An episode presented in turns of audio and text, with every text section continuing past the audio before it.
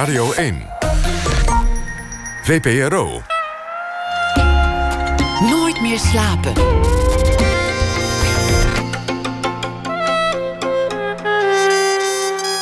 Met Liesbeth Staats. Goedenacht en welkom bij Nooit meer slapen. Straks hoort u het eerste deel van de podcastserie Waarom? Daarin gaat Eva Moeraert op zoek naar antwoorden op de vragen rondom de zelfdoding van haar jeugdvriend Bjorn, meer dan 20 jaar geleden. En tot die tijd spreek ik met Colin Benders. U kent hem als trompetist, componist en idealist, die het tien jaar geleden aandurfde om met zijn succesvolle Kiteman's Hip Hop Orchestra te stoppen. Juist toen in elk geval een commerciële toekomst gegarandeerd leek. Na het Hip Hop Orchestra volgde ook Kitopia, een creatieve vrijplaats voor muzici, hun ideeën en samenwerking. Vijf jaar lang huisde Kaitopia in het oude Tivoli in Utrecht. De laatste jaren waren er veel minder optredens en geen nieuwe albums. Maar nu is Colin Benders terug. Zijn nieuwe liefde? De elektronische muziek. Die maakt hij met zijn weerbarstige modulaire synthesizer. Een instrument groter dan een kastenwand dat je steeds zelf kunt uitbouwen en waarbij de muzikale combinaties oneindig zijn. Op 22 juni bouwt Colin Benders het instrument op in de grote zaal van het concertgebouw voor zijn Electro Symphonic Orchestra. Hij komt in zijn eentje, want hij is de componist, de dirigent en het orkest in één. Welkom Colin. Hi. Ik eh, vroeg me af in dat concertgebouw, hoe lang duurt het om die synthesizer op te bouwen? Oh man, ja, dat. ehm, het eigenlijke antwoord is zoveel tijd als ik maar kan krijgen. Want eh, ik kan altijd echt nog tot vijf minuten voordat ik moet gaan spelen, nog alles willen veranderen en kabeltjes steken en doen en weet ik het wat. Maar in dit geval hebben we eh, vanaf de avond ervoor mogen we naar binnen. En dan gaan we in 24 uur tijd gaan we zoveel mogelijk alles opbouwen Echt? en goed neerzetten. En Maar dan ben jij dus kapot als het concert begint. nou, dat hoop ik niet. Want het is, ik noemde dat een kastenwand, maar dat is eigenlijk nog een understatement. Ja, het is best is- wel een cockpit eigenlijk, alles bij Ja. elkaar. Het, En, eh, heel, en het neemt heel veel ruimte in. En overal, ik heb video's gezien, eh, steken snoeren uit, knoppen. Ja. Wat, we moeten het hebben over die modulaire synthesizer, want wat is het? Ja, het, het is eigenlijk ehm, een beetje het muzikale equivalent, denk ik, van een tekendoos of technisch Lego. Het, ehm, je hebt ehm, met de meeste eh, hardware synthesizers zoals je ze kent, ehm, eh, daar is eigenlijk alles voor je bedacht over hoe een geluid tot stand komt. En Dan druk je op een knop of een toetsenbord en dan... Precies, dan, dan heb je een je toetsenbord voor je en dan heb je dat geluid en dat kan je nog wel aanpassen en doen, maar best wel binnen wat de eh, beperkingen zijn van dat instrument. En met de modulaire synth heb je eigenlijk al die losse onderdelen en eh, bouwstenen krijg je in handen. En dan krijg je de vrijheid om te zeggen, nou ja, oké, maak maar eh, je ideale instrument precies zoals jij vindt dat die zou moeten klinken. En daar kan je helemaal gek mee gaan. het is eigenlijk. eh, er zit niet echt een beperking op. Je kan er eh, ook videobeeld mee aanpassen. Of je kan er ehm, eh, gewoon fysiek percussieve dingetjes mee doen. Je kan er een koffiezet mee, aansturen als je dat zou willen. Het is, je, kan- als je maar weet hoe je de verbinding moet leggen, dan kan je eigenlijk alles mee doen wat je wil. Ja, maar het ziet er een beetje uit als een soort natuurkundig lab. Ook. Ja, is het ook het is wel. echt voor tech techies, eh, mensen die heel erg houden van techniek ja, het, het, is wel echt. eh, verbindingen. het, het, het is een behoorlijk nerdfestijn wat dat betreft. Maar het, ehm, eh, voor mij, toen ik ermee begon te spelen, kwam in één keer echt alles samen. Zo van, wauw, oké, ik kan hier dus echt alles mee bouwen wat ik maar wil. En als het instrument me niet ligt, dan kan ik alles an- anders maken. En is dat het grote verschil met bijvoorbeeld de trompet, waar je zo lang op gespeeld hebt? Ja, ik, ik weet het niet helemaal. Het is, ehm, ehm, dat, dat is weer een hele andere wereld op zich. Ik denk dat dit instrument is vooral heel erg. ehm, eh, dit voldoet heel erg aan mijn hele wens die, eh, die ik heb gevormd om zoveel mogelijk met alle eh, facetten van muziek bezig te kunnen zijn. En de trompet, voor mij was de overstap van trompet naar met het orkest werken, was een hele grote. Op dezelfde manier is dat Mhm. nu vanaf het orkest naar eh, met die elektronica aan de slag zijn er eentje is. Maar het zijn ook wel weer totaal verschillende werelden op de een of andere manier. Ja. Dus het, ehm, het is moeilijk met elkaar te vergelijken, denk ik. Ja. Nou, we hebben het er nu over en we kunnen meteen even iets laten horen, want dan Ja, weten we de klank. Kun jij het fragment inleiden? Wat gaan we horen? Vet, ja, het is, ehm, eh, dit is eigenlijk een heel kort stukje van een opname die we vorig jaar hebben gemaakt. Want vorig jaar stond ik met hetzelfde instrument ook bij, eh, bij het Holland Festival. En dat optreden was eigenlijk vooral bedoeld om, eh, om te kijken of het überhaupt een goed idee was om dit jaar eh, deze uitvoering te doen. Want ik had eigenlijk. Of zo, ja, nou, het was een soort, ja, een soort try-out, maar echt een soort uh, inloopexperiment. Want ik, ik had met Holland Festival gesproken van ja, wat mij te gek lijkt, is om te kijken of ik uh, alle individuele synth voices in mijn instrument, dus uh, gewoon alle stemmen die ik uh, in, in die kast heb zitten, een eigen speaker kan geven die in de ruimte kan plaatsen en die dan kan opstellen alsof het een akoestisch instrument is. Um, en dan daarmee gaan spelen. En de vraag die ik kreeg was van ja, maar heb je dat al wel eens gehoord? Nee, maar dat ben ik dus even benieuwd naar. Heb je het al een keer gedaan? Nee, daarom wil ik het eigenlijk hier gaan proberen. En hoe weet je dan dat het tof wordt? Ja, weet ik eigenlijk niet, maar ik denk dat het een heel goed idee is. En toen afgesproken van, nou, oké, ga dan maar eerst dat een keer proberen dan in de kleine zaal. En dan kijken hoe dat uitpakt. En uh, dat zou dan een installatie worden waar ik dan eigenlijk één soort van voorbeeldpatch zou maken. En die konden mensen in en uitlopen en luisteren naar of ze dat mooi vonden of niet. Nou, oké, dat was eigenlijk de afspraak. Maar terwijl ik daarmee bezig was, kwam ik achter dat het eigenlijk heel saai was om één soort van doorlopend loopje aan te zetten. Want dat was het eerste plan? Dat was eigenlijk het idee, om gewoon één loopje te maken... en dat mensen konden horen van... hé, hey, kijk, dit is dan elektronica in de ruimte. Um, maar terwijl ik daar stond, dacht ik van... nee, dat is echt een, echt een heel slecht idee. en ben ik uiteindelijk, heb ik daar tien uur lang achter elkaar gewoon geïmproviseerd en gespeeld en met de kast bezig geweest. En, tien uur? Ja, dat, dat liep een beetje uit de hand. Maar het was. Um, eigenlijk heb ik gewoon gedaan alsof het mijn eigen studio was. En heb ik daar gewoon tien uur lang met het instrument gespeeld. Want ik dacht van ja, dit is ook een perfecte kans voor mij om dit te horen en hiermee te werken. Dat gebeurt niet elke dag. Dat en dan liepen mensen in en uit of bleven zitten? En... Ja, dat, dat was dus het bizarre. Ik, uh, ik had eigenlijk verwacht dat mensen telkens even binnen zouden stappen, even zouden luisteren en dan weer weg zouden gaan. Maar er zijn gewoon serieus mensen gewoon s ochtends binnengestapt en s'nachts weggegaan. Die, de hele, uh, die de hele tien uur hebben meegemaakt. Van ik echt dacht van ja, oké, maar de echte gekkies die zaten daar gewoon. maar, maar, nu ga je weer naar het concertgebouw, ja. 22 juni. Precies. En ga je dan weer tien uur spelen? Of, uh... Nee, deze keer mag ik niet langer dan anderhalf uur spelen.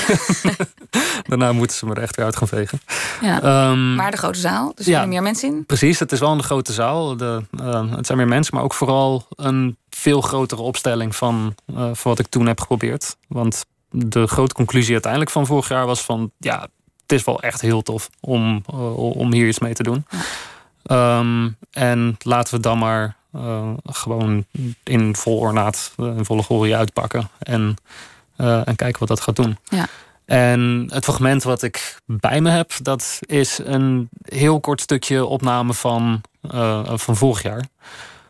Um, uh, waarvan ik dacht van oké, dat kan ik wel laten horen om een soort van een idee te geven van wat. Ja, we zijn niet volledig. Dat kan ook helemaal niet. Zeker niet met tien uur.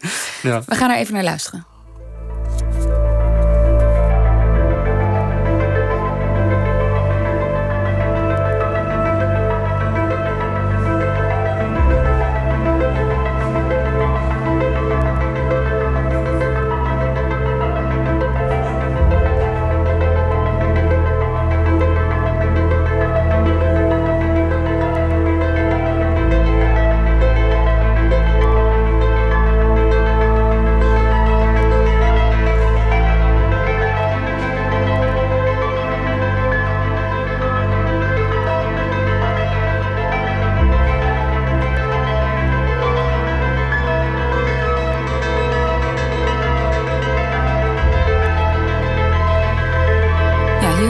Jouw klanken, vorig jaar, ja. Landfestival.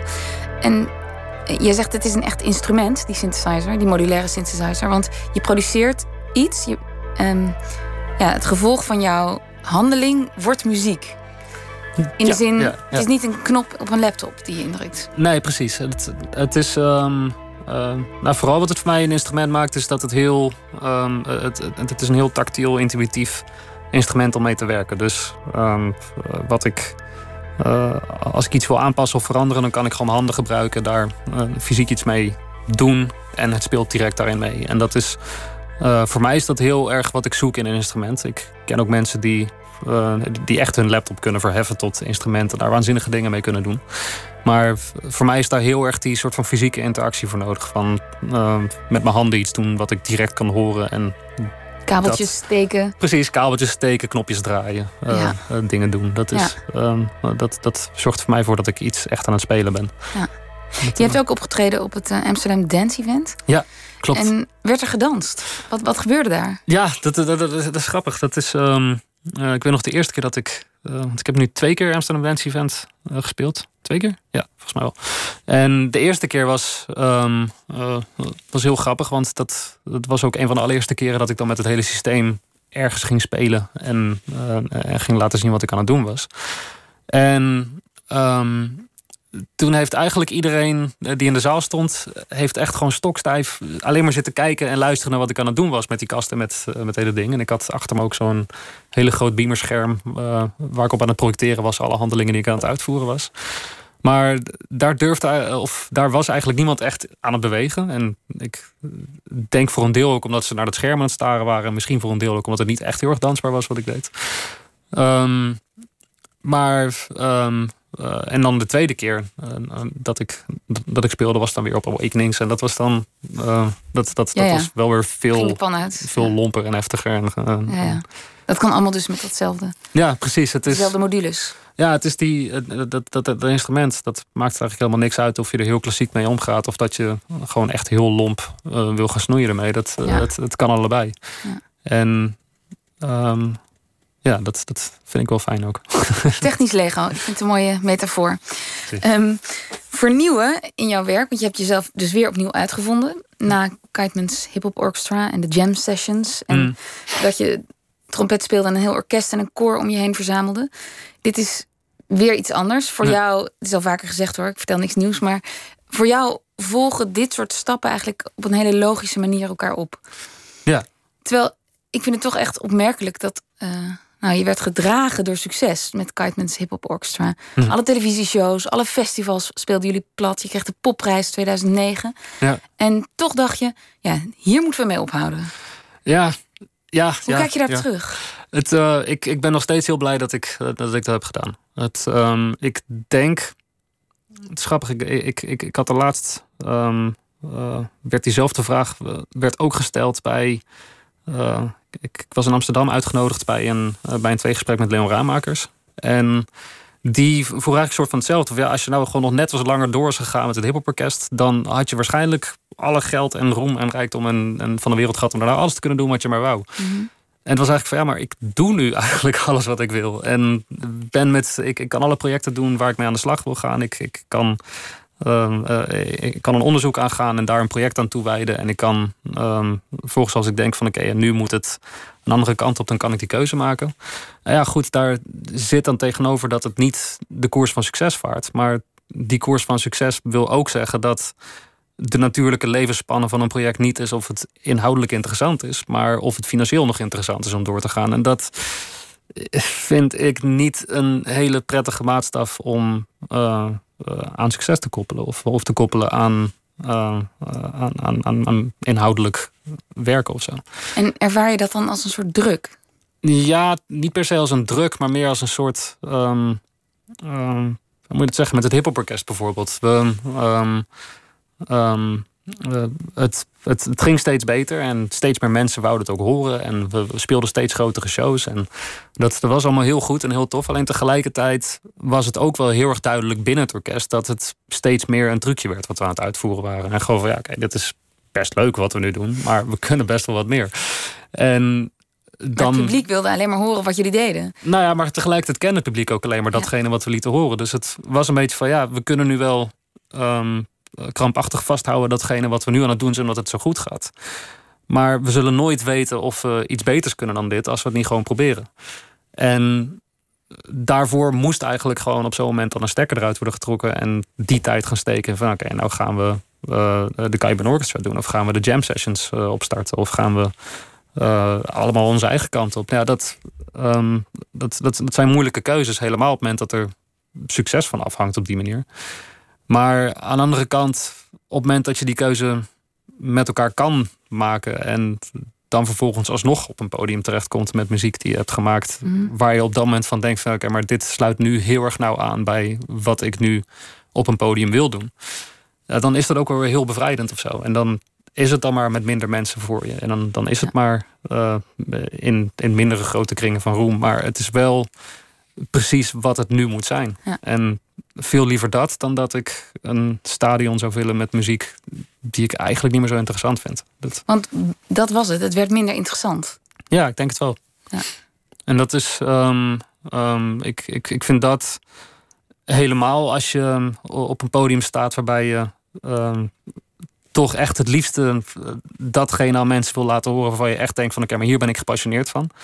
Ook als ik naar een concert toe ga en de muzikanten ga luisteren, dan wil ik ze geloven. Dan wil ik geloven dat ze echt niks liever aan het doen zijn dan datgene spelen op dat moment dat ze daar staan. En als ik dat niet kan garanderen, dan kan ik het ook niet overbrengen. En dat ehm, is een van de dingen die ik altijd het allerbelangrijkste vond. Van als ik ergens op een podium sta, dan wil ik wel iets te melden hebben. En het liefst iets wat ik nu belangrijk vind. En als dat niet zo is, dan kan ik er net zo goed niet staan. Nee. En hoe werd erop gereageerd binnen het orkest? Ja, dat, um, uh, het was binnen het orkest. Was het in het, uh, bij het hip orkest was het in eerste instantie van... Ja, maar hallo, wat doe je nou? alle, alle, allemaal leuk om nu hiermee te stoppen, maar het gaat toch goed? Ja. En, en niet um, iedereen zat er misschien zo in als jij.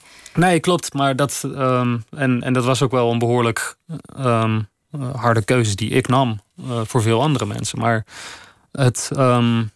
en dat was ook weer zo'n ding van ja, oké, mijn, mijn principes en, en idealen hebben wel hele concrete gevolgen voor andere mensen, ook in hun dagelijkse leven. En dat um, had ik het wel even moeilijk mee. Maar aan de andere kant was het ook van ja, maar ik um, uh, die verantwoordelijkheid die kan en wil ik niet per se op me nemen. Ik wil veel liever wel dat zolang mensen met me werken, dat ik ze iets kan bieden waarvan ik denk dat het op dat moment interessanter is dan wat het anders zou zijn geweest. Dan commercieel succes of uh, bijvoorbeeld. Ja, of, en dan was het gewoon van ja, van je albums. Ja. ja, dat. En het was uiteindelijk gewoon heel erg van oké, okay, laten we op die inhoud gaan zitten. En dat is vervolgens ook bij het tweede project werd dat ook de keuze die ik aan alle muzikanten voorlegd. Van ja, als we nu weer aan de slag gaan, dan doen we dat op inhoud en niet op, uh, op de succestour. En iedereen heeft daar uiteindelijk ook ja op gezegd. En daar hebben we toen de Cayman Orchestra mee gedaan met, uh, met het koor en nog veel megalomanere ja. orkestgedachten. En ook de jam sessions waarbij we een hele podiumtaal ontwikkelden. En uh, puur met gebarentaal en, uh, en, naar elkaar kijken gewoon uren muziek konden verzinnen. En dat zijn inhoudelijk dingen waar ik echt waanzinnig trots op ben. Al zijn er veel minder mensen geweest die dat hebben gezien gehoord. of gehoord. Maar ja, ja. dat is wel, ik, ik, ik had het voor geen goud willen missen. En wat deed dat succes met jouzelf? Ja. Er kwam veel op je af. Ja, zeker. En dat is. Um, um, ik, ik vond dat wel. Uh, ik vond het wel heftig. Vooral helemaal met. Uh, uh, in, in de eerste ronde van het, van het hip-hop orkest. Het. Zowel de, de hele aanvliegroute daar naartoe, dat het ik van een op de andere dag zo van: oké, okay, nu, nu, nu zijn we hier. Als de, remweg die daarna ook plaatsvond. Van, en nu doen we het niet meer en ben ik weer in mijn eentje op de wereld of zo. En dat, uh, dat, dat heeft wel even, uh, uh, even een soort van moeten landen. Maar ook in heel veel hele rare kleine dingetjes of zo. Het, Zoals? Um, ja, hoe moet je dat zeggen? Het, um, um, het heeft best wel een tijd geduurd voordat ik doorhad dat het toch niet heel normaal was dat alles en iedereen in je leven om jou draaide. Of dat, is, dat, dat, dat, um, dat, dat, dat, was iets. Want hoe ging dat? De muzikanten en ook de, de uh, koorleden, of misschien de, de, de regelende kring om jou heen, die keken naar jou. Zo van: wat gaan we doen? Ja, nou, maar nou, het is meer gewoon van: ik, um, al mijn vrienden zijn muzikanten. En vooral muzikanten waar ik ook mee werk. Uh, mijn sociale kring zijn de mensen met wie ik werk. Uh, um, en. Uh, de muzikanten hebben zelf ook vriendschappen en relaties. Maar dat zijn veelal mensen die ook uiteindelijk in zo'n cirkel eromheen terechtkomen. En voor je het weet ben je in een soort gigantische orbit van co co connecties en mensen en, ja. en relaties en weet ik veel. Maar die allemaal eigenlijk soort van draaien om datgene wat je samen aan het doen bent. En er is geen moment dat je eigenlijk mensen kent op basis van heel wat anders. Gewoon van bijvoorbeeld weet ik het wat. Gewoon van, hey, ik, ik, ken mensen van de sportschool of zo. Hey, ze laten ja. we eens samen naar de film gaan, daar vanuit of zo. Dat, uh, alles dat, draaide, alles draaide muziek. helemaal daarom, om muziek. En dan ook nog eens de muziek die, uh, die, die, die, die, ik aandroeg. En um, ja, op het moment dat, dat al je vriendschappelijke contacten, weet ik dat allemaal ook op je payroll staan, dan, dan is het best wel een, een rare wereld die ja. je bouwt. En, en voelde dat als een bevrijding of een opluchting toen dat ineens hard werd doorgeknipt? Nou, dat is, um, dat, dat is op zich niet hard doorgeknipt. Het, het voelt wel heel erg als een bevrijding sinds dat um, dat niet meer zo is. Ja. Het, uh, en ook vooral sinds ik daar heel erg bewust van ben. Van mm -hmm. dat, dat, uh, uh, dat, dat dat ook heel erg zo is geweest. Je bent En- ook best wel jong, of je was in ieder geval vrij jong toen dit jou overkwam, tussen aanhalingstekens. Ja, zeker. Het is, Dus het was, ik kan me voorstellen dat dat iets is waar de meeste mensen een hele carrière over doen. Ja, Voordat het zo om hen draait. ja, en het is. Ik denk dat ze dingen. Het, het, het, het komt wanneer het komt of niet. En als het er in één keer is, het is ook niet alsof je je erop kan voorbereiden of zo. Dus het, eh, het, het was heel maf. Maar ook weer soms heel tof en heel leuk en, en, en spannend. Maar ook weer van ja, dit zijn niet de redenen waarom ik dit zou moeten doen. En het, ja, raar complex iets. Maar En kon je, kon je meteen weer muziek maken? Daarna kon je in een nee, dat andere heeft, groef gaan. dat, dat heeft na het hiphop duurde dat wel even. Ehm, vooral ook heel erg vanuit het hele ding van dat alle ogen erop gericht waren van oké, wat gaat het nu dan worden? En het, ik, ik was toen gestopt omdat ik dacht van ik wil meer vrijheid. En tegelijkertijd wist ik dan ook niet helemaal wat die vrijheid dan betekende. Ehm, uiteindelijk kwam het gewoon neer op, nou, gewoon maar opnieuw beginnen en meer iets gaan maken. En dat werd eerst al met Erik Vloeimans het, eh eh, het, het Kite Crash project wat we samen hebben gedaan. En dat was vooral heel erg van, ja, laten we gewoon maar weer gaan spelen en, en, en, en we- en we zien wel wat het doet. Ja. Hij was jouw oude docent op het conservatorium Ja. ook? Ja. Ja, dat, dat, dat was wel echt heel leuk om, om dat te doen. Het was, hij was mijn docent en eh, Jeroen van Vliet was de docent van Niels, onze toetsenist toen. En ook nog actief op dat moment als docent. Eh, dus dat was ook wel grappig om zo samen een plaat te doen. En eh, dat was heel erg een soort switch moment van, nou ja, het, het hoeft ook allemaal niet zo zwaar of zo. Het, het kan ook gewoon een plaat zijn. Gewoon, gewoon, Ja. gewoon maar doen en spelen. Ja.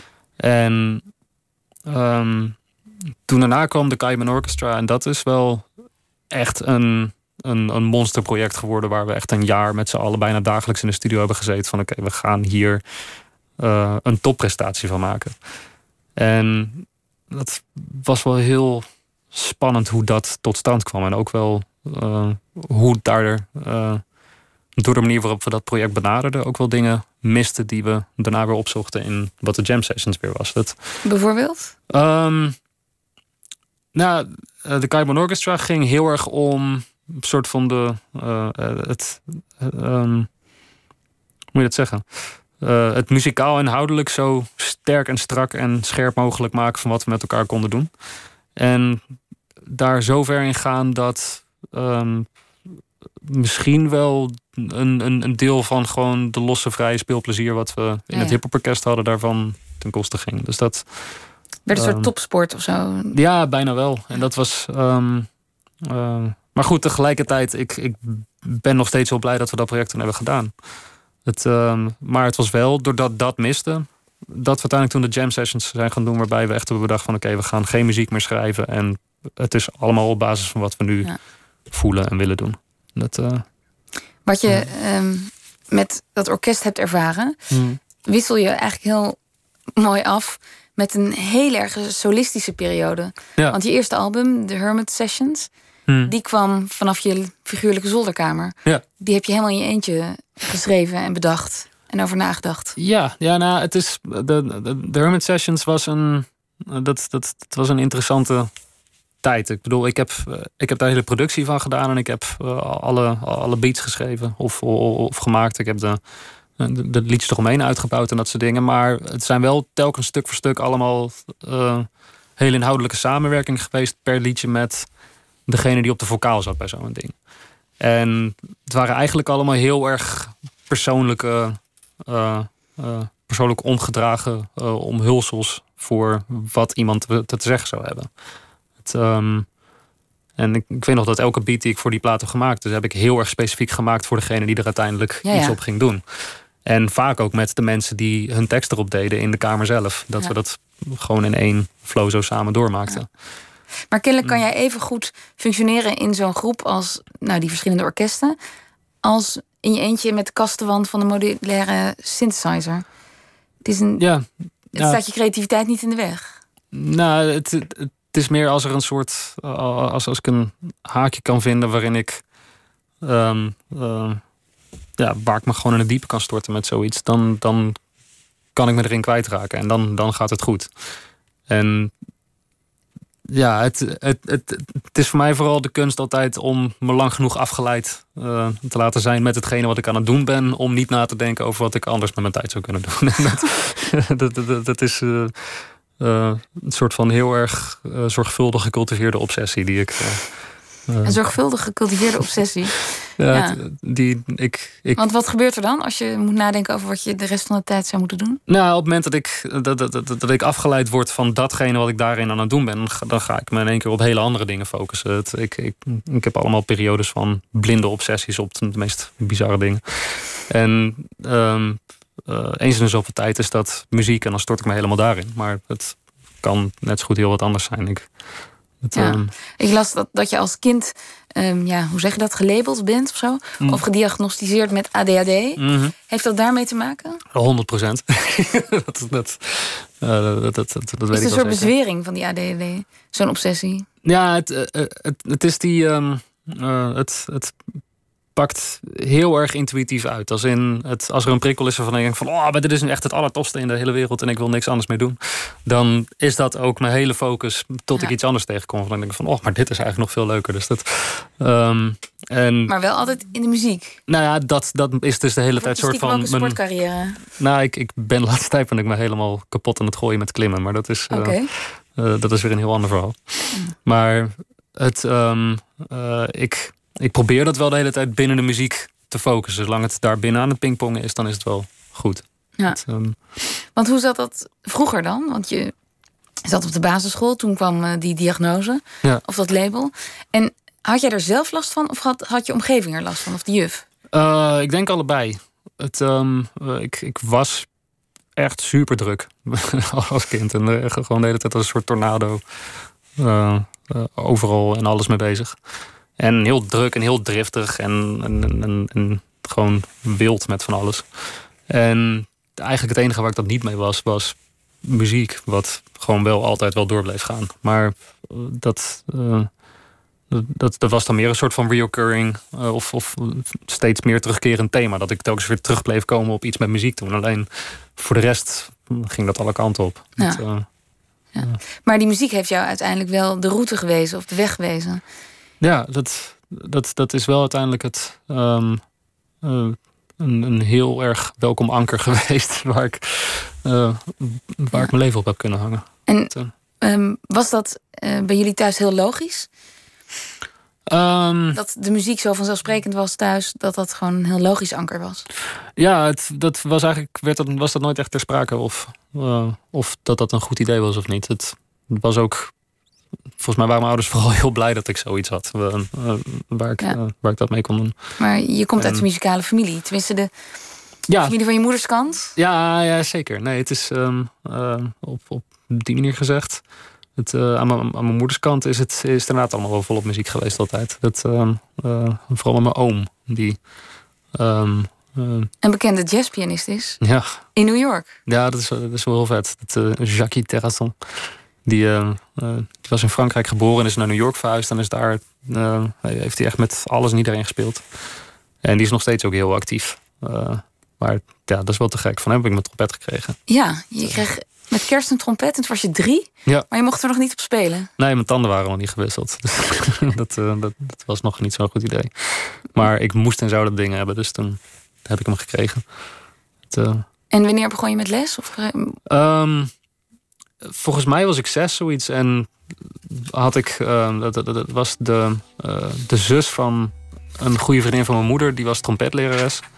En toen had ik haar telefoonnummer gekregen. En dat had ik er ook opgebeld met... ja, mijn tanden zijn gewisseld. En dat is van, ja, oké. Kom maar. Leuk. Wat, ja, wat wil je doen? Zo ja, oké. dus dat uh, mocht ik met les gaan hebben. We praten zo verder, want we gaan eerst naar het nieuws. Straks praat ik dus verder met Colin Benders. En u hoort dan ook de eerste aflevering van Waarom? Een vijfdelige podcast over vriendschap, onverwerkt verdriet... en de donkere kanten van de jaren 90. Dat en meer straks, na het nieuws van 1 uur.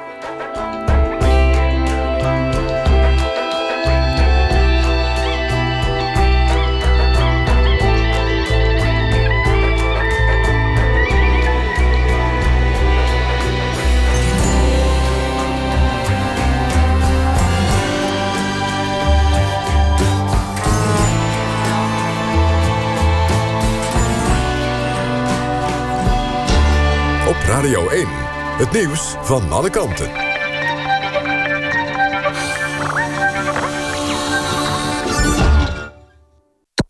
NPO Radio 1. VPRO.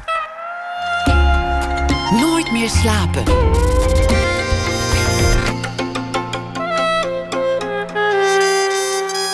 Met Liesbeth Staats. Welkom terug bij Nooit meer slapen, waar ik tot ongeveer half twee verder praat met Colin Benders. Op 22 juni staat hij voor de tweede keer op het Holland Festival met zijn Electro Symphonic Orchestra. Voor het nieuws hebben we het onder meer gehad over zijn modulaire synthesizer en de enorme mogelijkheden die het instrument Colin biedt. We spraken over het snelle succes en wat het met je deed. En we waren eigenlijk gebleven bij je familie. Ja. Dus muzikale tak van de familie. En ik las dat je ook bent opgegroeid in een soort hippie gezin. En dat je zelfs geboren bent in een commune.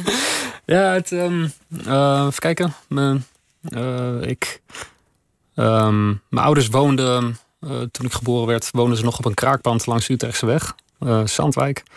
En um, eigenlijk zo vlak rond die tijd van mijn geboorte zijn ze ook daar net weggegaan. Maar ik ben er nog wel heel vaak geweest. En zo'nzelfde dingen hadden we nog in de beeld. Dus dat was altijd wel een soort thema bij ons, denk ik. Ja, en hoe herinner je je dat aspect van je jeugd? Ja, leuk. Dat was. Ja, um, uh, ja het is grappig. Ik heb, um, uh, ik heb twee oudere zussen en een jonger zusje. Maar daar uh, had ik eigenlijk nog veel meer broertjes en zusjes, eigenlijk voor mijn gevoel. Dat um, ben echt opgegroeid met een, een, hele roedel aan kinderen eigenlijk. En dat, ja, dat, dat heb ik wel hele goede herinnering aan. En voelt het misschien daarom ook natuurlijk om met zoveel mensen op een podium te staan of, of te creëren? De um, studio in te gaan. Dat je dat makkelijk vindt? Nou, het, ik, ik, ik, het, het, het gemeenschappelijke gevoel, dat, uh, dat zit wel goed. Maar het was eigenlijk. Um, dat was een van de aspecten van met een orkest werken... Wat ik, waar ik eigenlijk nooit zo rekening mee had gehouden toen ik eraan begon. En ik. Um, zit eigenlijk wat introverter in elkaar. Dus het was eigenlijk altijd even bij een beetje wennen van... oh shit, we zitten met een gigantische groep aan, aan, mensen in één keer. Ja. Um, maar dat, dat, dat, was uiteindelijk wel echt... werd ook weer een soort extended familie voor me. En dat ook nu dat we niet meer samenspelen... nog steeds is het een hele hechte groep... die nog heel veel wel met elkaar doet en afspreekt. En, uh, dat is niet verdwenen? Is. Nee, nee, zeker niet. Want je vader, die uh, lector was aan de hogeschool in Utrecht... Ja die heeft zijn baan opgezegd om jouw manager te worden? Ja, het is, we, we zijn intussen al zo'n tien jaar heel actief samen aan het werken. Dat, um... En hoe is dat? Om ja, dat zakelijke ook met je vader te delen? Dat, dat, is, wel heel, uh, dat is wel heel grappig hoe dat, hoe dat gaat. Het is, hij, hij deed het vroeger eigenlijk altijd al een beetje. Um, en toen net in de tijd van het hiphoporkest um, uh, werkte ik niet met hem samen.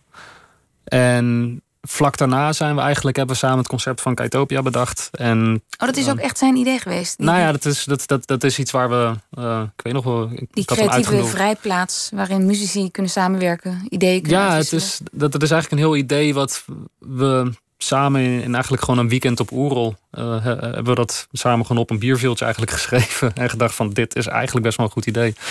En um, vanaf dat moment zijn we dat maar gewoon gaan doen. En die jaar later bestaat er nog steeds. Um, um, Te gek. Ja. En, en dat is iets wat, uh, uh, waar hij heel erg de zakelijke leiding heeft. En um, uh, ja, dat, dat, dat is wel echt, echt te gek.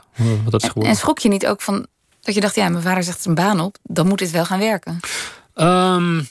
Nee, ja, het, is dat een veel te concrete vraag? Nee, ik denk eigenlijk dat er zijn een hele hoop dingen geweest die daartoe hebben geleid tot, tot dat moment. Dus dat ging ook weer heel vloeiend dat dat in één keer zo. Uh, zo Eerder had hij eigenlijk twee banen of zo. Ja, het was, ja het was in die zin, het, eh, het, het, het was weer zo'n hele logische stap van nou, dan, dan gaan we toch dit doen. En dat, dat, dat werkte gewoon goed uit.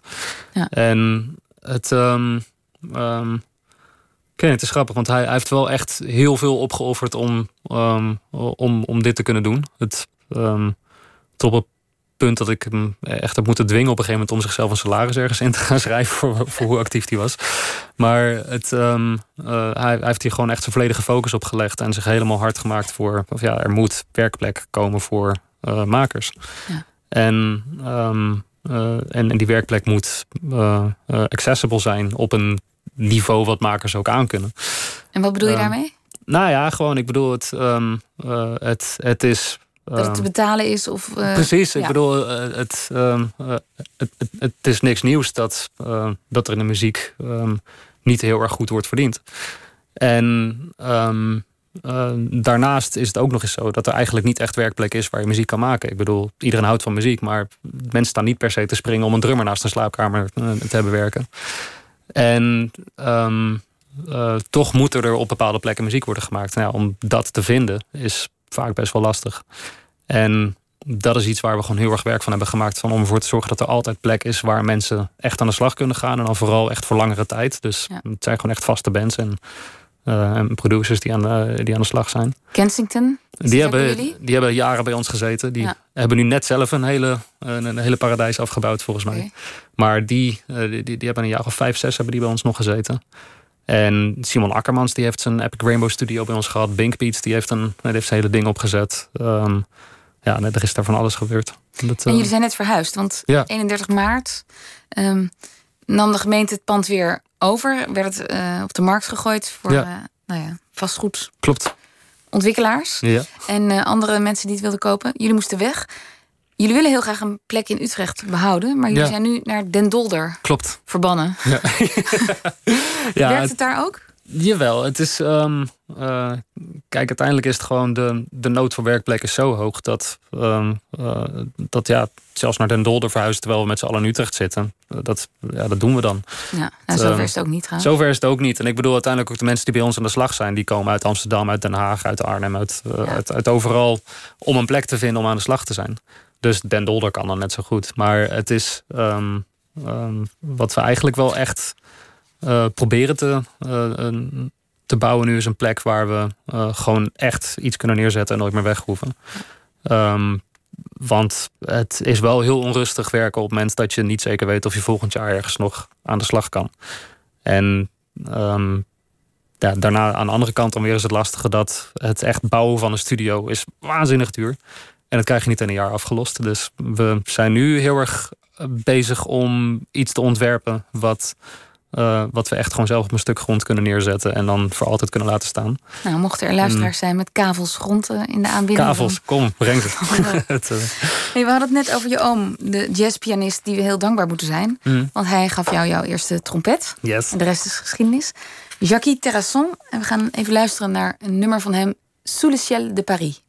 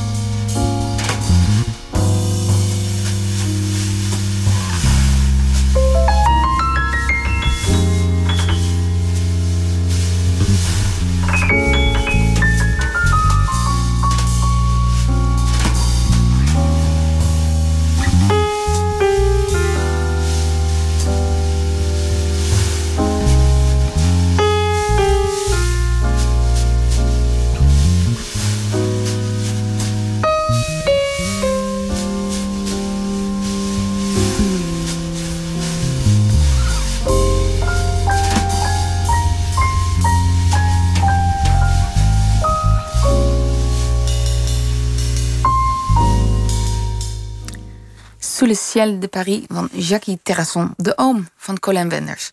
Luister je veel naar hem? Ja, ik ben met hem opgegroeid.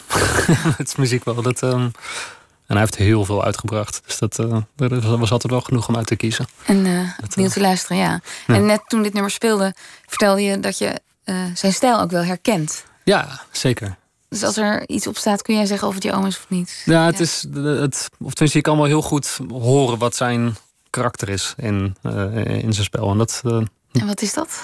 Um, ja, moet je het zeggen? Het, ik, ik, ik probeerde net al een soort van te omschrijven wat het wat voor me is. Maar het is, hij, hij heeft een hele, hele luchtige, maar ook vluchtige manier van spelen. Die eigenlijk um, uh, ritmisch, maar ook qua, um, qua zijn melodische keuzes of zo heel op, op, op een hele logische manier lijkt te volgen, zonder dat het voor de hand liggend is of zo. Het is.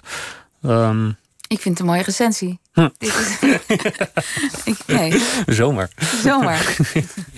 um, we hebben het gehad over je orkesten, over Kaitopia, over het Holland Festival wat er nu aankomt. En de indruk zou kunnen ontstaan dat je leven een soort gouden glijbaan is. Oh. Um, maar dat is niet helemaal zo, want ik las over je. En dat heb je ook verteld in een documentaire, dat je soms ook wel periodes hebt dat, je, dat het wat donkerder is. Oh ja. En dat het moeilijker is om muziek te maken. Ja. En wat, wat betekent die donkerte voor je? Wat is dat in jouw geval? Um, nou ja, het, het, is, dat is een soort van. Um, hoe moet ik dat zeggen? Het. Um, uh, dat, dat, dat, dat was vroeger was het heel extreem, denk ik. In de hele, de, de, de hele hip-hop orkestfase, of tenminste daar vlak voor, was het, uh, uh, was het wel echt zijn, uh, zijn moeilijke dieptepunt. Maar goed, dat, daar, daar zijn drugs ook voor. dus dat was, niet, dat, dat, was sowieso niet heel goed voor me. Um, oh, ik dacht dat je bedoelde. Met drugs loste ik dat op. Nee, ja, oh. dat, dat, dat probeerde ik, maar dat ging dus natuurlijk helemaal niet goed. Um, maar ik denk nu eigenlijk dat mm, vooral een van de, van de grootste dingen is dat met, um, uh, met zo weinig sturing of wat dan ook uh, hebben in hoe ik, hoe ik een leven zou aanpakken of zou doen. Daar ook wel bij hoort dat ik eigenlijk nooit echt helemaal zeker weet of ik wel goed bezig ben of niet met wat ik aan het doen ben. Ja.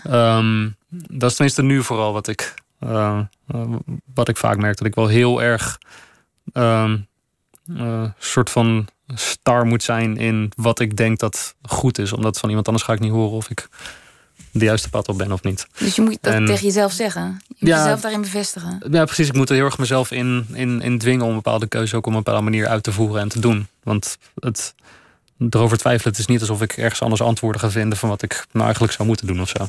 Nee. En het. Um, um, ik, niet, ik denk de laatste tijd ben ik. Ik, ik voel me wel heel lekker in balans met hoe nu mijn leven in elkaar zit of zo. En dat is wel, dat, dat ben ik wel heel blij mee. Ja. Want, want, dat was, dat is niet altijd heel voor de, voor de hand liggend geweest voor me. En als je zegt, ja, drugs helpt niet. Wat helpt wel um, om eruit te komen? Ja, eigenlijk vooral mezelf niet zo zwaar nemen of zo. Het was, en dat is ook wel het, uh, als je... Uh, ik weet niet of je die, of, of je die nou wat documentaire hebt, uh, hebt gezien. Nou, dat is vlak na het Hip Hop Orkest uh, hadden we een documentaire gemaakt met Menna Meijer.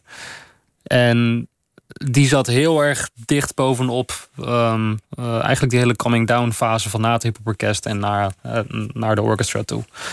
En wat ik zelf nu heel erg merk als ik dat nu zie, is echt van, van gadverdamme, wat een wat, wat zit ik nou echt te klagen over van alles nog wat. Ehm, Oké. En dat ik dat heel erg irritant eigenlijk vind aan hoe, hoe serieus en zwaar en moeilijk ik alles vond en, en, en deed en weet ik het wat. En, maar um, uh, dat, dat, dat is misschien ook wel iets waar ik een beetje van heb moeten uitzoomen of zo. Dat, en dat zit ook heel erg gepaard aan wat ik eerder zei over dat zo centraal in je eigen bubbel, in je eigen leven staan. Met, ieder, met alles en iedereen wat er maar omheen draait. En daar zich aan moet aanpassen of zo. Dat, het, um, dat is ehm, niet goed voor je. Eigenlijk. Nee, dat is niet goed voor je. En dat, dan, dan ga je zelf ook veel te belangrijk vinden of zo. Dus dat. Het, um, ik denk dat. Um, dat loslaten en daarvan wegstappen ook in één keer heel veel rust gaf. En het leven ook wat makkelijker maakte of zo. Want maar je zei net, ja, gewoon tegen mezelf zeggen, ja, je moet het allemaal niet zo zwaar nemen. Maar dat, Dat lijkt me veel makkelijker gezegd dan gedaan. Ja, als klopt. je je somber voelt. Of, Ja, nee, het is ook wel echt gewoon zoiets zomaar horen. Is ook een beetje van ja, thanks man. Nu, is, nu voel ik me helemaal beter. Dat, Ja, dat heb je. fix. Ja. Nee, daar heb je eigenlijk niks aan. Het, het was, denk ook dat het niet zo 1, 2, 3 was als dat ik dat dacht en dat het dan goed was. Maar veel meer een, nu een geleidelijke conclusie is van dat dat eh, is wat er is veranderd. Waardoor ik eh, nu wat luchtiger voel of zo. Mhm. Het, ehm, maar hoe dat dan precies is gekomen, ja, weet ik niet. Ik, ik, eh, ik, ik, ik verwijt denk ik vooral mijn vriendin ervan dat hij het. ehm, ehm, eh, dat hij ook heel erg heeft, heeft afgedwongen van oké, en nou moet je gewoon ja, normaal gaan doen. of zo.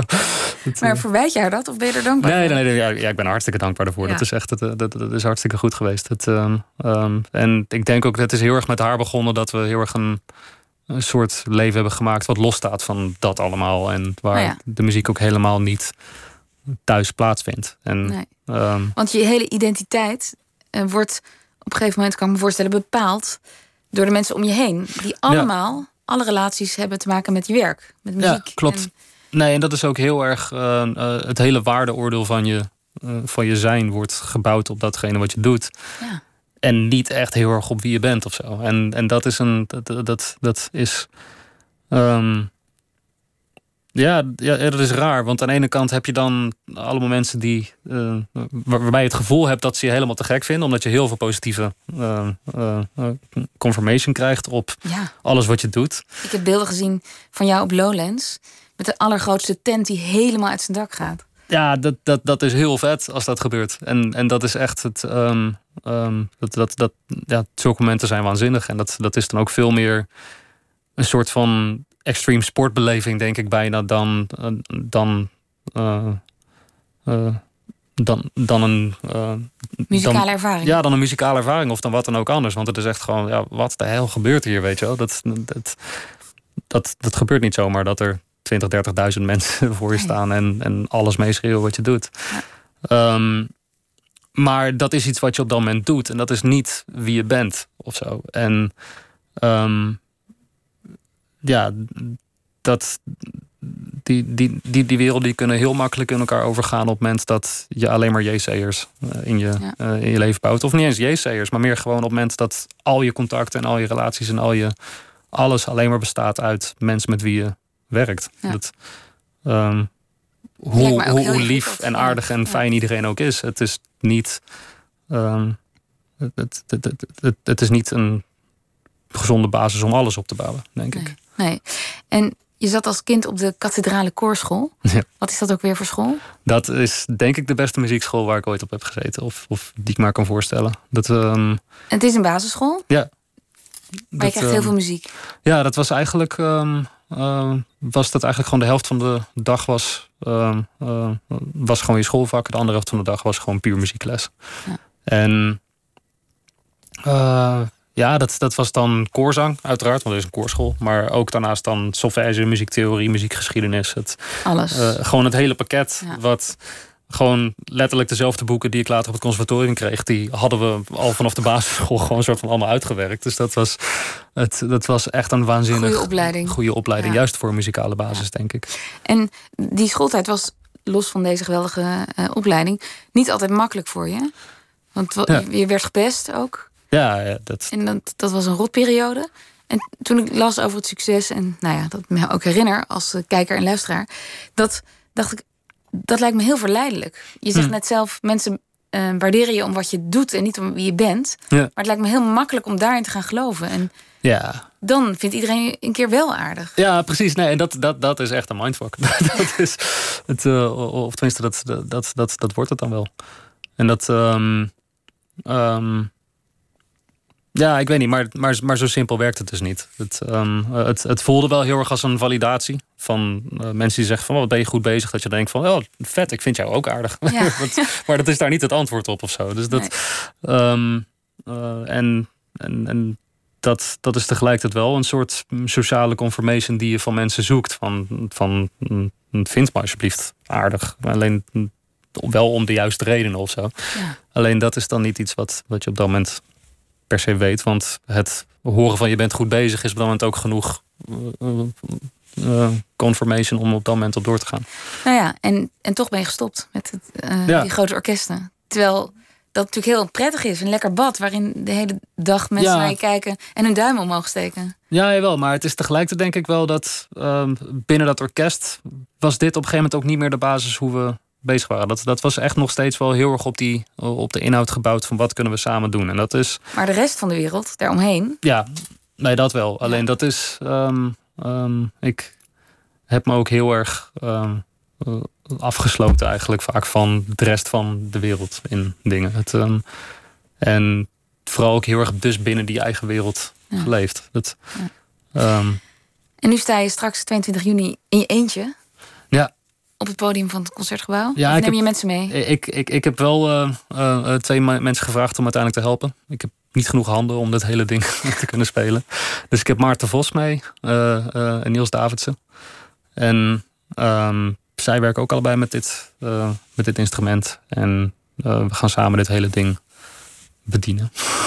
Nou, voor geïnteresseerde luisteraars, als je de modulaire synthesizer intikt op YouTube, dan zit je tot morgenochtend filmpjes te kijken. Want er zijn allemaal mensen die helemaal nou ja, lyrisch over hun eigen modulaire ja. compositie praten. En nou, ik, ik, het is een nieuwe wereld voor mij opengegaan. Vet. In ieder geval, ja. Um, wat, wat, wat zijn de plannen na het Holland Festival? Ga je, ga je meer concerten geven? Ja, nou, het is. Um, het, het Holland Festival staat heel erg op zichzelf op dit moment. Dat, of tenminste, in ieder geval op deze manier dat ik ermee mm ga spelen. Want dit, uh, dit, dit, dit, kan ik ook niet al te vaak uitvoeren, denk ik. maar tegelijkertijd aan de andere kant ben ik weer heel erg weer op een hele andere manier met muziek bezig. ben ik laatste tijd echt alleen nog maar techno aan het spelen. Oh. maar ik heb er echt heel veel Daar gaan we de volgende keer eh, over hebben. we moeten afsluiten. Dankjewel Colin dat je hier was. En succes uh, de 22e. Yes, thanks. Nooit meer slapen. De podcastserie Waarom gaat over de 17-jarige Tom en de 18-jarige Bjorn... die er in 1997 voor kiezen een einde aan hun leven te maken. Bjorn sterft, Tom overleeft de poging. Bij familie en vrienden van Bjorn slaat zijn dood in als een bom. Hoewel zij nooit van die Tom hadden gehoord, zijn ze hem de jaren daarna ook nooit gaan opzoeken. Sterker nog, twintig jaar lang is er met geen woord gerept over dit voorval. Maker Eva, Moera, Eva Moeraert doorbreekt de stilte en gaat op zoek naar het waarom van Bjorn.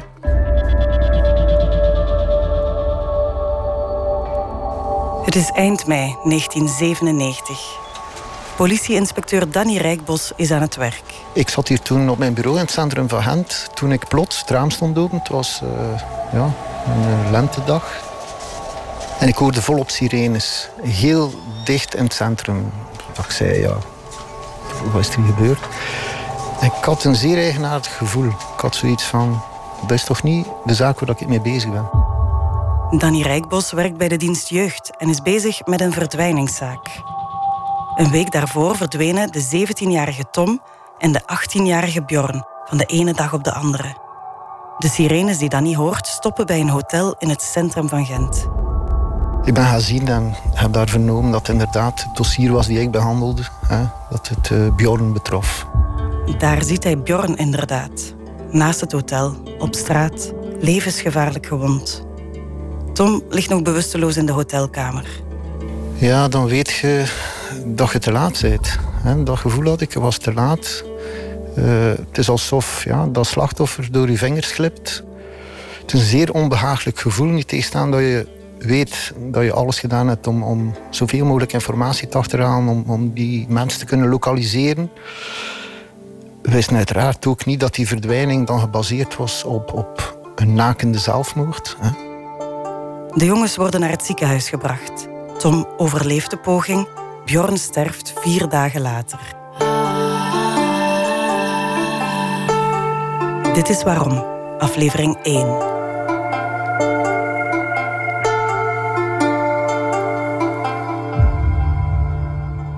Bjorn en Tom wonen allebei in een gemeente rond Gent en zitten bij elkaar in de klas in een school in het centrum van de stad. Waarom ze die middag besluiten een einde aan hun toch nog zo jonge leven te maken, is een raadsel. Ook voor hun omgeving. Alles begon een week daarvoor, toen Bjorn plots verdween. Ja, hij is vertrokken, denk ik, alsof hij naar school ging. Zoals gezegd, we spreken 22 jaar geleden, 1997. Een tijd zonder smartphones, zonder internet en sociale media. Een tijd waarin je gewoon op een plaats afspreekt met vrienden en niet via een berichtje kan laten weten dat je wat later bent of er toch niet gaat geraken. Een tijd waarin je ook makkelijker van de radar kon verdwijnen.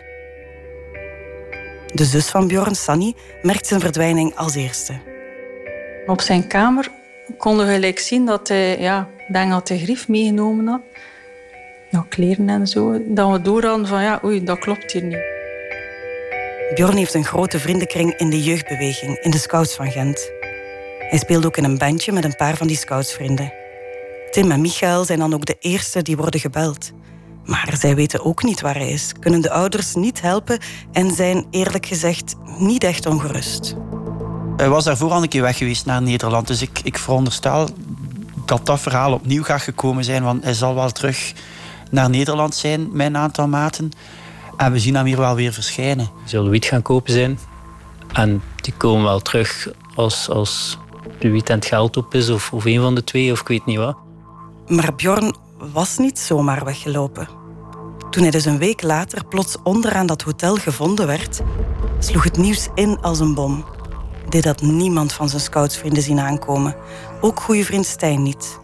Ik zal ongetwijfeld wel links of rechts wel een keer gemerkt hebben dat hij hem niet goed voelde, maar ik vond niet dat dat, dat, dat duidelijk te merken was. Eh, toch niet voor mij. Zijn zus Sunny kan het ook niet vatten. Nee, maar ik denk dat gewoon niemand dat zien aankomen heeft. Dat is precies dat dat een masker is. Zette Bjorn al die maanden een masker op, inderdaad? Al de vrienden en familie van Bjorn blijven met heel veel vragen achter. Wat is er allemaal gebeurd tijdens die week voor hij sprong? Had Bjorn dit echt gepland? Of is hij in dit verhaal meegesleurd door die andere jongen, die Tom? En wie is die Tom in feite?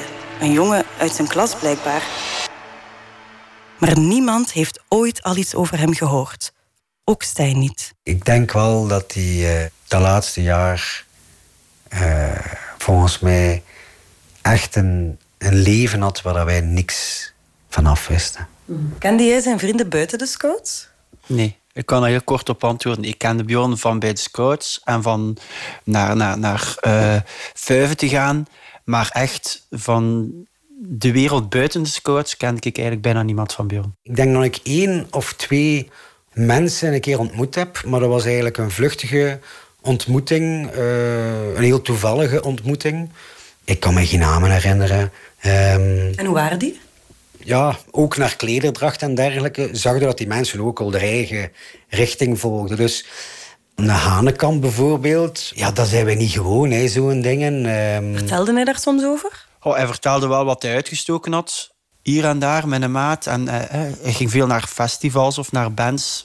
Dat, wij eigenlijk, dat, ik het nog niet deed. Maar echt uh, persoonlijke dingen of, of dingen over die gasten heb ik eigenlijk niet geweten. Zijn vrienden vertellen dat Bjorn in twee werelden leefde. De wereld van de scouts en zijn familie en een andere wereld, op school. En hij hield die strikt gescheiden.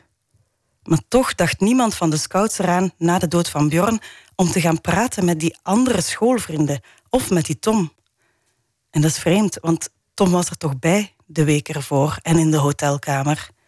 En die moest toch heel veel antwoorden hebben op al hun vragen. Ik meen mij te herinneren dat, dat er een aantal waren die zeiden van... Uh, ik wil die gewoon niet zien, want ik weet niet wat ik ga doen als ik die ga zien. Scoutsleider Stefan herinnert zich wel dat veel mensen kwaad waren op die Tom. En dan een beetje het idee van, ja, hij is aangespoord om of uh, uh, heeft heel sterk Bjorn beïnvloed. Je probeert dat dan te denken.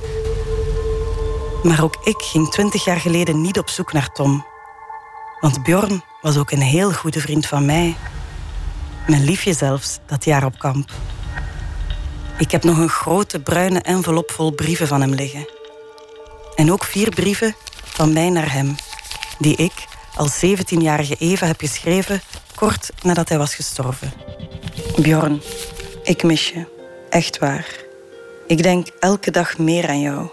Soms is het alsof je bij me bent, naast me staat en alles ziet wat ik doe.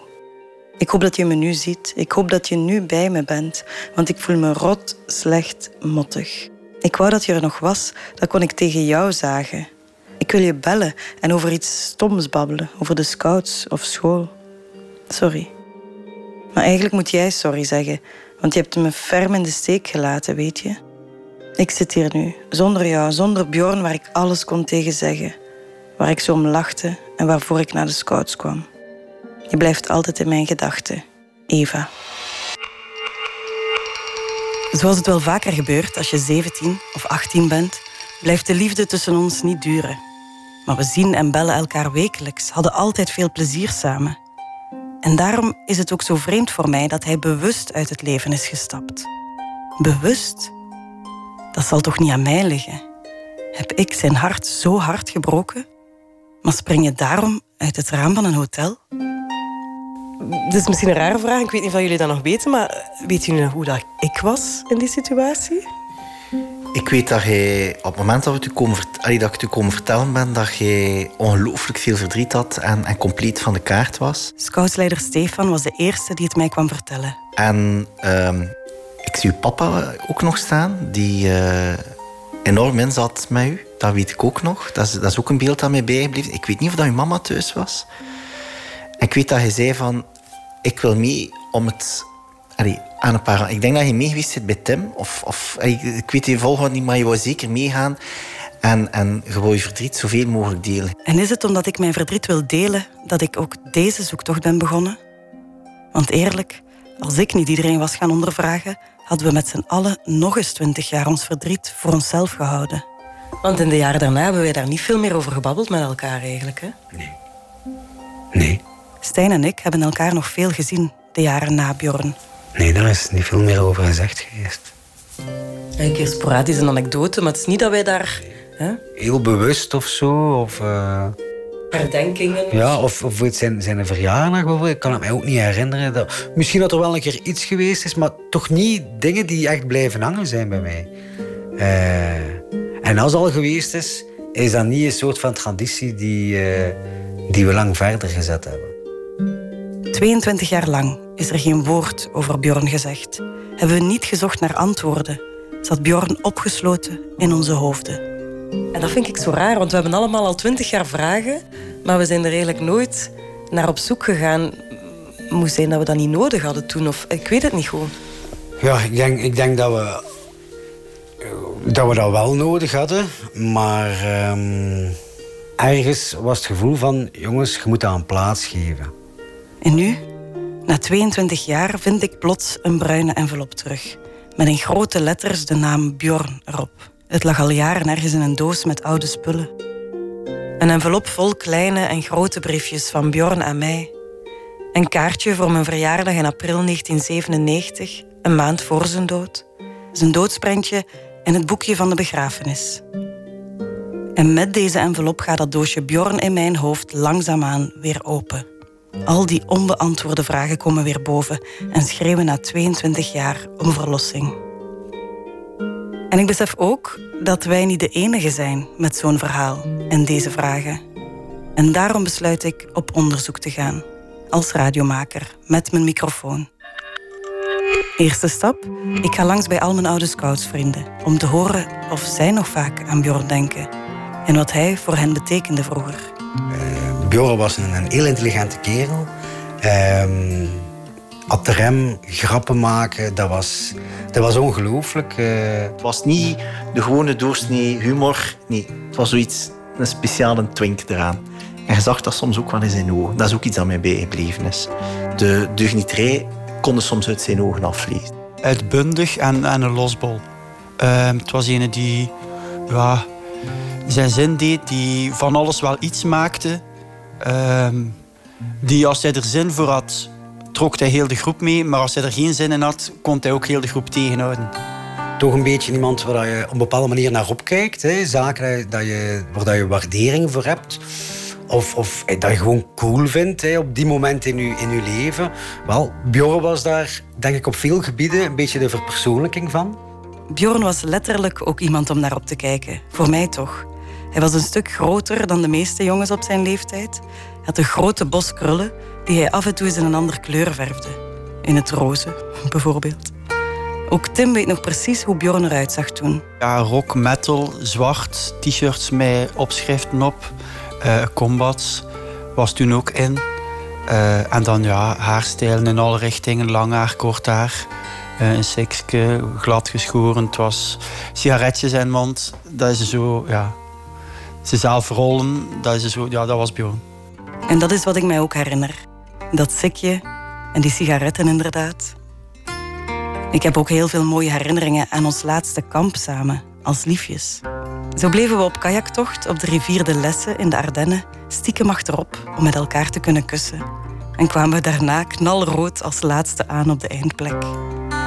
En tijdens schoolweken kwam Bjorn speciaal met zijn fiets langs de bus, bus 9 gereden, waar ik elke ochtend mee naar school reed. Om toch maar een glimp van elkaar op te vangen. Ik weet sowieso als, als een van mijn actiefste herinneringen dat ik quasi elke dag met Bjorn en zijn veranda thuis gitaar zat te spelen en dat we samen echt van alles geleerd hebben.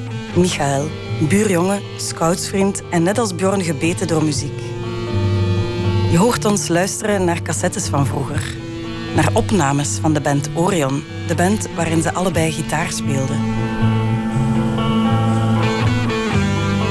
En een uh, helemaal euforisch naar huis gegaan. De eerste keer dat we samen gevonden hadden hoe we moesten trash metal spelen. Dat dat dan echt begon te klinken. Gelijk bij Metallica, bij die rappe nummers en zo.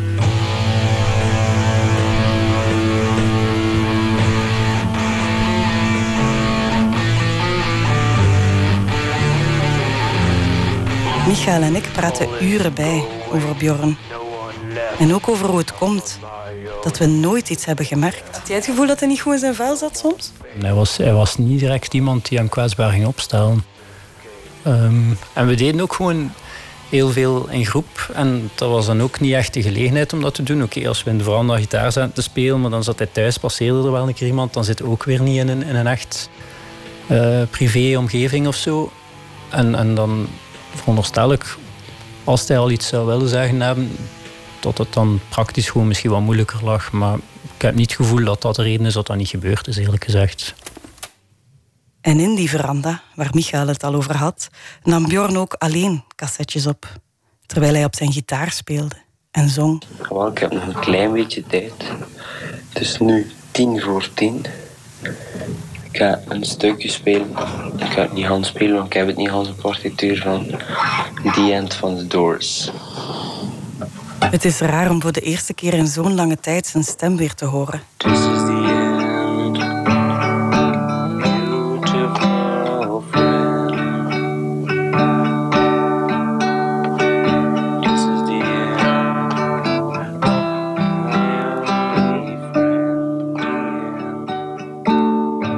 Scout ziet niemand van ons de dood van Bjorn aankomen. Maar hoe zit het dan in die andere wereld? Op school? Ik ben op zoek naar Tom. Maar voorlopig vind ik niks terug online over hem. Niet op Facebook, niet via Google. Ik heb enkel zijn voornaam en familienaam. Dus vraag ik maar aan onze scoutsleiders van toen, Stefan en Peter, of zij Tom nog hebben gezien of weten waar ik hem misschien kan vinden. Ik heb daar nooit meer iets van geweten wat daarmee gebeurd is. Uh, behalve dat ik redelijk zeker ben dat hij niet op de begrafenis was. Maar dat is meer weet ik daar niet van. Ik denk dat hij van de radar verdwenen is ook. Uh, en dat we eigenlijk niet echt antwoorden gekregen hebben van hem ook. En zijn ouders ook niet, denk ik. Ik weet zelfs niet of dat er contact geweest is met zijn ouders en die jongen. Via via kom ik wel aan het adres van een gemeenschappelijke klasgenoot van Bjorn en Tom. Hallo, Hallo. Wim zat in het jaar 1997 in de klas van de jongens. En omdat Bjorn die wereld echt verborgen hield voor ons, was ik nieuwsgierig of hij op school anders was dan bij ons. Hoe, hoe was Bjorn als, als student in, in het middelbaar? Uh, Bjorn was een, ja, hoe moet ik het zeggen, een, uh, een zeer goede student. Um, er was een uh, gezonde rivaliteit tussen ons. Um, Zo'n, ja, eens was, de ene keer was jij de eerste, de andere keer was ik de eerste. En omgekeerd, ja, zo. Een gezonde rivaliteit. Maar als persoon, um, buiten school om, was hij ja, een heel genegen iemand. Um, iemand die ja, als niet naliet voor iemand te helpen. Als hij kon helpen, dus dat hij helpen. Vertelde Bjorn over de scouts? Nee, nee. Nee, hij vertelde daar nooit iets over. Ehm, wel dat hij in de scout zat, maar uh, niets van activiteiten of dergelijke. Heb jij hem zien veranderen in die tijd? Bijvoorbeeld dat laatste jaar. Is Bjorn dan veranderd? Goh, het laatste schooljaar, um, net zoals veel tieners, denk ik, in hun laatste middelbaar uh, worden schoolmoe. Ik ook. Um, dat was ja, een jaar van, uh, moet ik het zeggen, uh, ja, een jaar van geen goesting hebben en een jaar van ja, tegen alles. Um, niet alleen bij Bjorn, maar ook bij, bij mij en bij, bij andere ja, vrienden uit de klas. Ja. Wim kende niet alleen Bjorn, maar ook Tom heel goed, al van in de kleuterklas zelfs. Ik vraag hem daarom wat voor iemand die Tom is, want ik wil hem goed kunnen voorbereiden op dat gesprek binnenkort. Want Wim heeft me ook net het adres van de moeder van Tom bezorgd. Ja, dat was een stille, een zeer stille. Um, die kwam ook uit een uh, gezin van gescheiden ouders. Woonde met zijn moeder samen. Zag zijn vader niet zoveel. Um, maar dat was een, ja, een lieve, een stille, echt in, in zichzelf getogen jongen. Um, ook in ons middelbaar was dat zo. ja. Wat, wat hadden ze gemeen? Kan je, kan je dat zeggen? Van hoe kwam dat dat zij goed met elkaar klikten? Goh, wat zou dat geweest zijn? Ik denk een, een donker kantje. Ja, zo, hoe moet het zijn? Lak en alles. Um, ja, noem het maar op. Hè. Um, ze waren ook Race Against the Machine of was daar. dat, dat vonden ze ook uh, de max allemaal. En ja, zo'n apart wereldje waar we dan in zaten. En ja. Dat moet toch ingeslaan zijn als een bom op school, in die klas. Ja, dat waren twee klasgenoten. Herinner je jou dat nog? Ja, dat is iets nog dat gegrift staat in mijn geheugen. Um, dat, dat komt als ja, donderslag bij heldere hemel. Um, dat is iets dat ik niemand niet toewens. Niemand toewens die, die jong is. Want als je 17 jaar bent of 18 jaar bent... en je kunt dat goed vinden met die mensen... dat heeft een enorme impact op je. Uh, het zwaarste vond ik de begrafenis zelf. Dat vond ik het zwaarst. Ja. Dat is iets dat ik nooit ga vergeten. Uh, ja, het verdriet. Het verdriet dat dat teweeg brengt. Uh, zijn ouders. En dat u de vraag stelt waarom. Waarom? En dan is een vraag dat tot op vandaag eigenlijk nog altijd bij mij speelt van waarom. Wim was zeker niet de enige die met die vraag achterbleef. En daarom vind ik het vreemd dat er na die eerste moeilijke maanden na de begrafenis, maanden met heel veel verdriet, nog amper over Bjorn werd gesproken onder de vrienden. En ook met zijn ouders hadden we geen contact meer.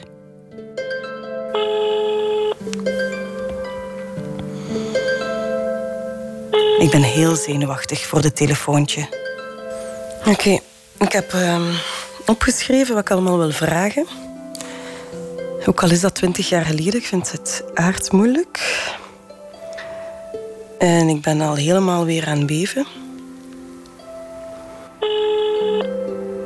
Goedemorgen, met Hoera. Ik herken meteen de stem van de mama van Bjorn. Ah, maar jij bent de mama van Bjorn toch, hè? Ik, ik ben de mama, ja. Voilà. Ik ben Eva, Eva Moeraert. Ik weet niet of dat je mij nog kent. Ja, van... komt mij inderdaad bekend uh, voor. Van een... ja, en ik voel me meteen ook zo slecht. Omdat ik hen nooit meer contacteerde na de begrafenis. Maar ik was zelf 17 jaar toen dit allemaal gebeurde. Ik was er kapot van. En ook nog eens midden in de examens. Ik heb daar wel veel aan gedacht. Ook de jaren daarna. Maar, ik wou hen niet lastigvallen met mijn verdriet. Ze hebben zelf waarschijnlijk nog veel meer verdriet dan ik. En wie ben ik om hun zoon zo hard te missen? We zien wel, hè. maar eerst en vooral, denk er eens over na. Voel je zeker niet verplicht, hè.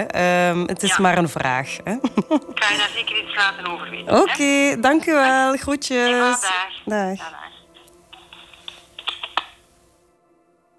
Ze moeten erover nadenken. Natuurlijk. En ik besef dat zij nu door mij teruggecatapulteerd worden in de tijd. Noodgedwongen de pijn en het verdriet moeten voelen van toen. Ik ben wel klaar om hierover te praten en antwoorden te zoeken, maar zijn zij dat ook? Wel, iedereen rouwt op zijn eigen manier en natuurlijk ook op zijn eigen tempo. Omdat ik mijn eigen rouwproces en dat van de anderen beter wil begrijpen, vraag ik ook hulp aan Lore Vonk van de werkgroep Verder. Een werkgroep voor nabestaanden na zelfdoding. Ik voelde mij wat schuldig omdat ik bij iedereen dat potje even open gedaan heb dit jaar. En ik zag hoe dat iedereen er weer moeite mee had om, er, ja, om daar weer over te praten. Het is niet verkeerd om, om dat, dat potje open te doen. Maar als iemand dat potje wel gesloten wil houden, is dat natuurlijk ook zijn recht. Dus die communicatie daarover met je omgeving is wel heel belangrijk. Van vinden dat niet te pijnlijk, wilde daarover praten.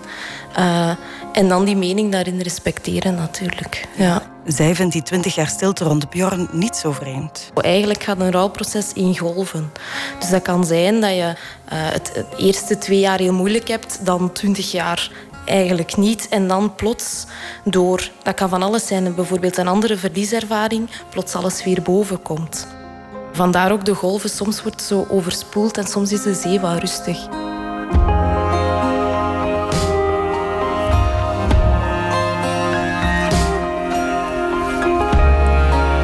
Grootste vraag waar we allemaal al 22 jaar mee zitten is ook: wat is er juist gebeurd op die hotelkamer toen? En hoe komt het dat Bjorn wel sprong en Tom niet? Ik denk dat zij gewoon op dat moment zelf uh, verkeerden in een, ja, in een roes. Alle vrienden probeerden toen verklaringen te vinden. Op het balkon wouden ze vliegen, zagen ze iemand vliegen, gingen ze zelf proberen vliegen. En dat er op die manier, dat, er zo, dat, dat Bjorn er zo afgevallen is. Het verhaal dat er bij mij in zit, is dat dat, uh, om het zo uit te drukken, het uh, Romeo en Juliet verhaal. Dat ze elkaar ergens uitgedaagd hebben om te springen. En dat Bjorn gesprongen is en zijn maat niet. Dat die gast bewustzijn verloren is. En is dan eigenlijk in paniek geschoten. Hij is naar boven gelopen, want ze zat niet op het bovenste verdiep. En is dan vanuit het bovenste verdiep naar beneden gesprongen. Dat is hoe dat ik het verhaal in mijn geheugen heb. Al die verschillende versies, al die verschillende hoofden waarin iets anders is blijven hangen. Ik denk dat niemand heel duidelijk een versie had of dat er heel veel gespeculeerd is. En ja, dan ga je misschien bepaalde versies die je met mensen, of gesprekken die je met mensen voert, dat als de waarheid uh, beschouwen ik, ik, ik weet het eigenlijk niet. Uh, of dat met verwerking te maken heeft? Nee. Ik denk dat voor uzelf een, een soort van ja, aanvaardbare versie zoeken is. Een aanvaardbare versie. Dat is inderdaad waar ik zelf al jaren naar op zoek ben. Een versie die klopt met het beeld dat ik had van Bjorn. Een versie waar ik mee verder kan. Is dat ook een manier van dingen verwerken? De versie die je jezelf in je hoofd prent of zo? Ja, absoluut. Uh, maar bijvoorbeeld bij een, een, een, zelfdoding, dat echt een zelfdoding is gaan zien als een ongeluk, is eigenlijk ook in je rouwproces wat in de ontkenningsschokfase blijven zitten. Wat natuurlijk niet zo gezond is. Er zal wel een bepaald moment komen dat de volgende fase komt en die zal des te harder aankomen. Eigenlijk kunnen we dan al spreken van gecompliceerde rouw, wat echt een, een, stoornis is, uh, diagnostisch gezien. Maar als een ongeluk zien, um, dat, om dat niet te hebben, is het heel belangrijk dat je eigenlijk wel de details weet. Um, dat dat ook niet verzwegen wordt. Ik uh, kreeg hier net een berichtje binnen. Eva, we vinden het een mooie nagedachte om iets te maken rond Bjorn. We zullen graag meewerken. Kan je ons nog eens opbellen? Romain en Dora.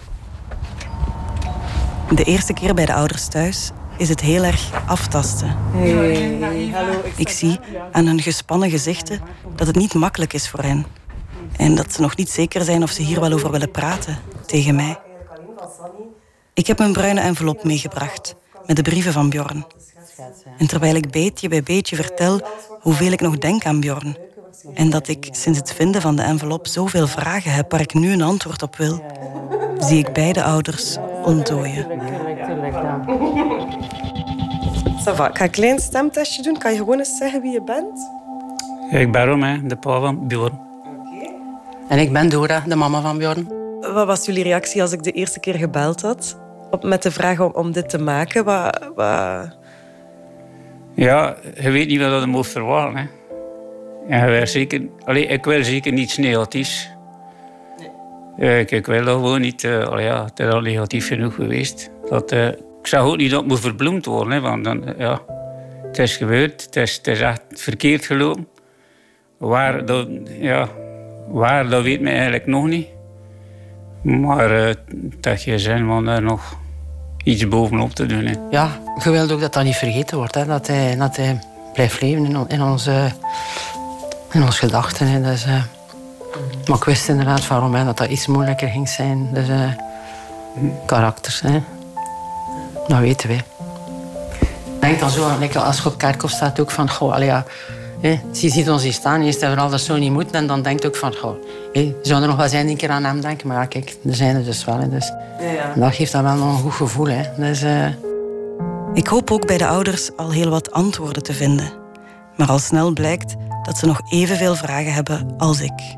Wel, je kunt niet geloven dat uh, op die moment dat er niemand is, dat er echt niemand is dat dat doorgedrongen is van hij is dat van plan of. Ze kunnen niet begrijpen dat niemand van zijn vrienden iets in de gaten had toen. Ja, maar dat is er gebeurd. Ja, dat is iets dat blijft. Hè. Dus, uh, allee, ja. Je legde daar wel bij neer achter een tijdje, want je kunt niet blijven graven, want allee, dan ga je er zelf onderdoor. Maar af en toe ja, denk je daar nog wel een keer aan. Hè.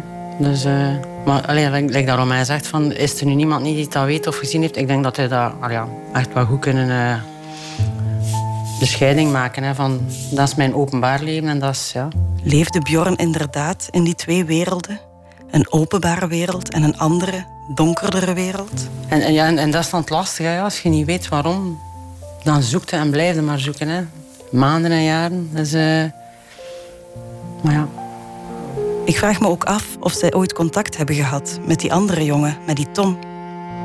De moeder van Bjorn is hem blijkbaar ooit wel eens gaan opzoeken. Maar ik ben er, ook niets wijzer geworden. Dus die, nee, nee, nee, dat, was echt was een gesloten boek. Dat was, uh, die zat volgens mij ook onder de antidepressiva of, of ik weet niet, of, of kalmeermiddelen. Dus... Uh, Voelde je hem veranderen die, dat laatste jaar? Allee, hebben jullie dat achteraf gezien natuurlijk? Hè? Ja. inderdaad, ja. ja, ja. Dus allee, je verliest de grip en je voelt dat. Hè. Dus, allee, ja.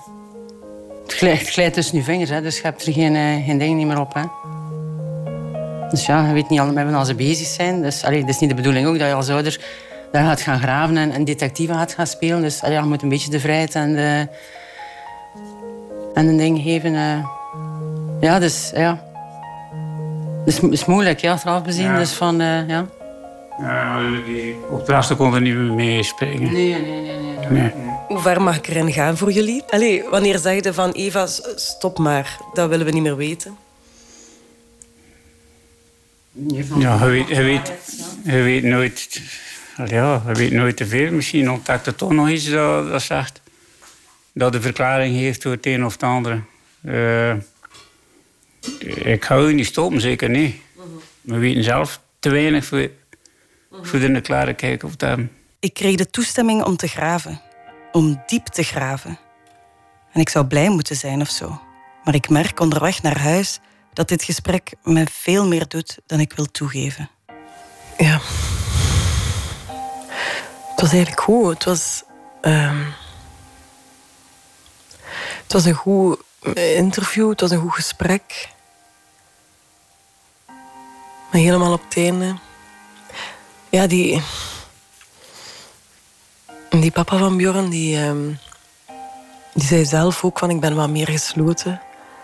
Ik kan er allemaal niet zo gemakkelijk over babbelen of ik wou dat ook niet. En helemaal op het einde zei ik um, ja, bedankt dat ik mocht komen.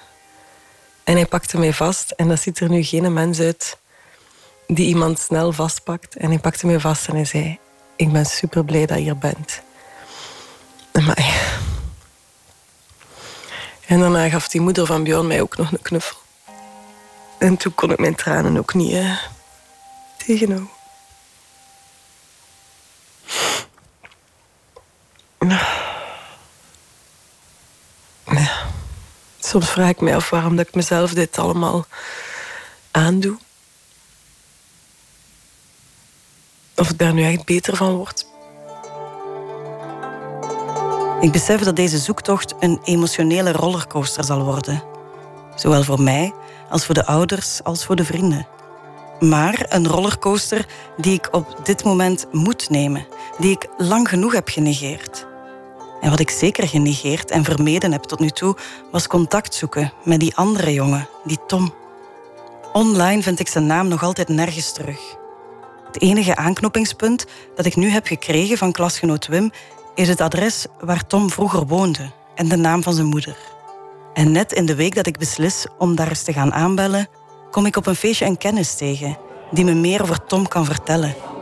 Nieuws dat mijn hele zoektocht weer op zijn kop zou zetten. Uh, ja, ik denk dat ik die ken. Die heeft bij mij altijd in de lagere school gezeten.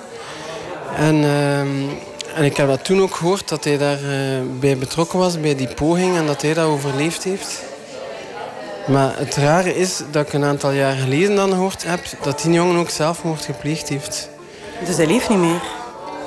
Uh, nee, ik denk het niet. Ik heb er geen contact, maar ik heb dat via via gehoord.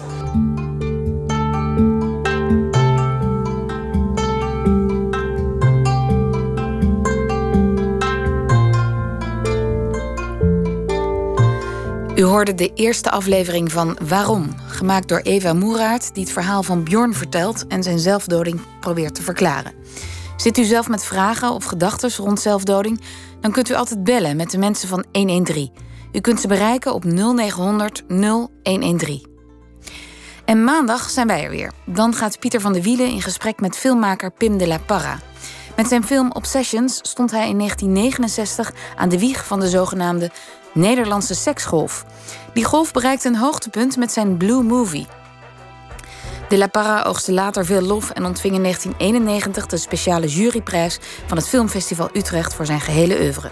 Nu toont het Amsterdamse Filmmuseum AI Obsessions opnieuw op het witte doek en besteden ze een week lang aandacht aan de regisseur met Para Odyssee.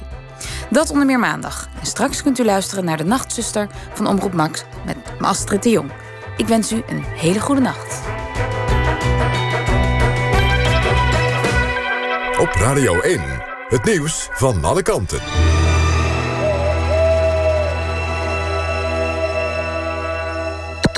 NPO Radio 1.